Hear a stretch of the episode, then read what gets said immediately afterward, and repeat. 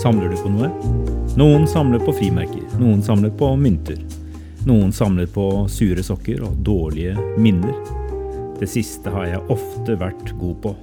Nå forsøker jeg i stedet å samle på verdifulle menneskemøter. De er mine skatter. Jeg samler på inntrykk, fotspor, verdier som mennesker har lagt igjen hos meg i løpet av kortere eller lengre tid vi fikk være sammen. I dag skal dere få møte Saeed.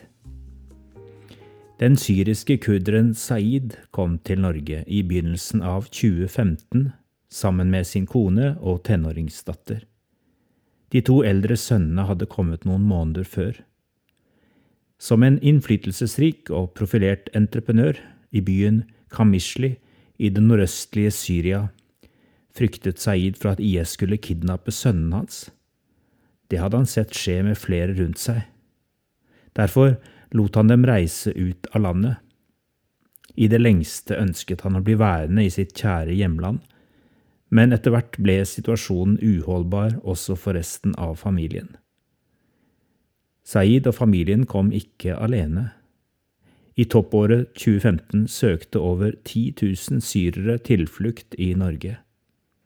I perioden fra 2011 til nå er halve befolkningen i Syria drevet på flukt.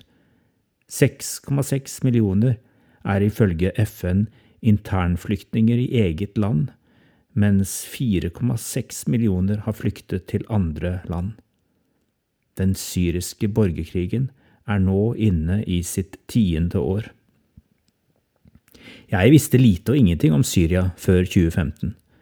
I løpet av kort tid skulle jeg komme i snakk med flere fra dette landet. De ble en del av våre nabolag, ikke minst etter at asylmottaket på Dale ble lagt ned og asylsøkerne havnet på desentraliserte mottak rundt i Sandnes. Fortsatt var det store huller i kunnskapen min om deres bakgrunn. Jeg henvendte meg til flyktningenheten i Sandnes og fortalte at jeg ønsket å bli bedre kjent med Syria om de kunne anbefale en asylsøker som ville være interessert i å treffe meg. Slik ble jeg introdusert for Saeed.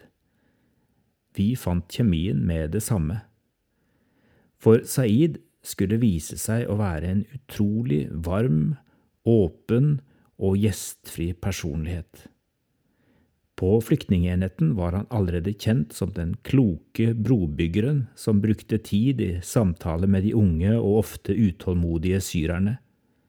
Med faderlig omsorg formante han dem til å vise respekt og forståelse for det landet som hadde tatt imot dem. De første månedene møttes Saeed og jeg ukentlig på kafeen Både og i Sandnes. På en blanding av engelsk og stotrende norsk delte Saeed med stor lidenskap sin kunnskap om syrisk historie, politikk og hverdagsliv. Som ung ble Saeed skjøvet fram som politiker i lokalmiljøet, og i 1989 stilte han i det nasjonale parlamentsvalget fra den nordøstlige provinsen. I løpet av valgnatten mener Saeed at stemmetallene som først viste tydelig at han hadde vunnet, ble manipulert slik at en mer regimepositiv kandidat ble valgt til å representere kurderne. Det var siste gang Saeed forsøkte seg i politikken. Isteden slo han seg opp som arkitekt og entreprenør med kontakter i alle samfunnslag og på tvers av etniske og religiøse grupper. Saeed snakket engasjert om den nære kontakten han som kurdisk muslim hadde hatt med syrisk-ortodokse kristne og arabiske muslimer. Det kom ofte en fortvilelse over ham når han fortalte om krigen som nå splittet samfunnet, de radikale muslimske grupperingene som fremstilte islam på en grotesk måte, og hvordan det vakre landet hans var i ferd med å gå i oppløsning. Denne første perioden i Norge slet også Saeed med mye tungsinn. Stadig fortalte han om venner som var blitt drept, og han vekslet mellom dyp takknemlighet over å være i trygge Norge og sorgen over å ha forlatt sitt eget folk. Men jeg måtte ta vare på familien min, sa han. Fra å være en rik og innflytelsesrik entreprenør forlot Saeed over natten alt han hadde bygget opp i Kamishli. Det er krigens realiteter, at når man forlater landet, flytter andre raskt inn og tar over alt som er ditt. Nå skulle Saeed og familien bli en del av det norske samfunnet. Sammen forsøkte Saeed og jeg å fokusere på håp og framtidsplaner. Hva drømte Saeed om? Han skulle så gjerne bruke sin arkitektkompetanse i Norge, men han innså at det ville bli vanskelig i hans alder. Kanskje var det enda viktigere å kunne være med på å bygge opp mennesker, ble vi enige om. Jeg ønsker å være en brobygger, sa Saeed. Derfor var han i første rekke da Internasjonal kafé startet opp hver onsdag på Bordeaux-kafeen, på det samme stedet hvor vi først hadde møttes og blitt kjent. Internasjonal kafé er et fellesinitiativ mellom menigheter i Sandnes. Her har Saeed nå vært en trofast medarbeider i flere år. Ganske raskt ble både min kone og jeg kjent med resten av familien til Saeed. Vi begynte å invitere hverandre til fester og sosiale sammenkomster. Saeed og kona har deltatt på alfakurs i menigheten vår og er med så ofte de kan i en husgruppe, og Saeed er blitt en flittig kirkegjenger. For oss var det en stor glede å ha dem med som gjester i vår yngste datters konfirmasjon. Etter at vi hadde kjent hverandre i et års tid, ble Saeed og jeg invitert til en samling for diakoner i Stavanger bispedømme, der Saeed fortalte om livet sitt og den første tiden i Norge. Egentlig har jeg bare vært her i fire måneder, sa han da. For det første året var det bare kroppen min som var her. Nå begynner jeg å få håpet tilbake. Jeg vet ikke om jeg får bygge hus i Norge, men kanskje er jeg her for å hjelpe til med å bygge opp igjen mennesker. Men han hadde ikke helt sluttet å være vanlig arkitekt. Under besøket på Statens hus i Stavanger, der bispedømmekontoret ligger, måtte Saeed stoppe opp og kommentere trappene. Her er det gjort feil, disse trinnene er for høye, slo han fast. Samtalene med Saeed har lært meg mye om hva dialog betyr i praksis. Ofte tenker vi at dialogen har som mål at vi skal bli enige, enten ved at vi finner fram til et minste felles multiplum, eller at den ene oppgir sitt opprinnelige standpunkt og blir enig med den andre. Men dialog er åpen prosess, der vi først og fremst får muligheten til en dypere forståelse av hverandre. Dialogen gir rom for å se nye dimensjoner og perspektiver, åpne opp krevende situasjoner og spørsmål.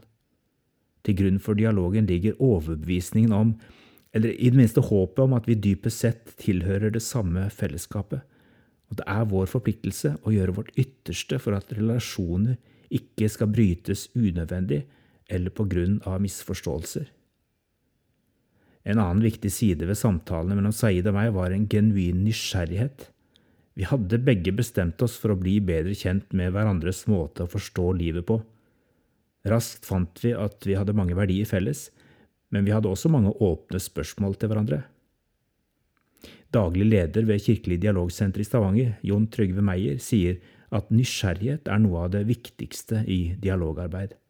Han oppfordrer oss til å spørre oss hva som finnes rundt oss av ulike tros- og livssyn. Kjenner vi dem som hører til andre religioner? Er min nabo muslim, humanetiker eller ikke troende? Er det mulig for meg å komme i prat med den naboen om dens måte å forstå verden på, om hva som er meningsfullt i livet. På den måten blir kanskje naboen nysgjerrig på meg, hva jeg syns er viktig og meningsfullt, sier Jon Trygve. Jeg er ikke så god til å starte spontane samtaler med naboene mine. For meg startet relasjonen til Saeed med at noen hadde ført oss sammen. Det begynte forsiktig med noen avtalte møtepunkter på en kafé, og så fikk det lov til å utvikle seg i et passelig tempo. Siden har vennskapet mitt til den syriske brobyggeren hjulpet meg til å komme i kontakt med flere spennende mennesker i byen min. Det har vært utrolig berikende og lærerikt. Nylig fikk Saeed og hans kone muligheten til å kjøpe seg en egen rekkebolig, og snart er de norske statsborgere. Men fortsatt har Saeed hjertet sitt i Syria. Vi har avtalt å reise dit sammen så snart forholdene ligger til rette for det og Saeed har ikke sluttet å drømme. Han tror han kommer til å bli boende i Norge, for her er nå familien hans etablert, men han tenker mye på hvordan han kan være med på gjenoppbyggingen av Syria. Jeg har fortsatt mye nettverk, sier han. Min tid som husbygger er nok forbi, men jeg vil så gjerne bidra til å føre mennesker som har vært i konflikt, sammen igjen. Jeg takker Gud for at jeg har fått lov til å bli kjent med brobyggeren Saeed og hans familie. Er du nysgjerrig på å treffe Saeed? Om du befinner deg i Sandnes, stikk innom Internasjonal kafé en onsdag til høsten, så treffer du han nok. Og der kan du også bli kjent med mange andre nydelige mennesker. Ha en god sommer videre, og se opp for verdifulle menneskemøter der du er.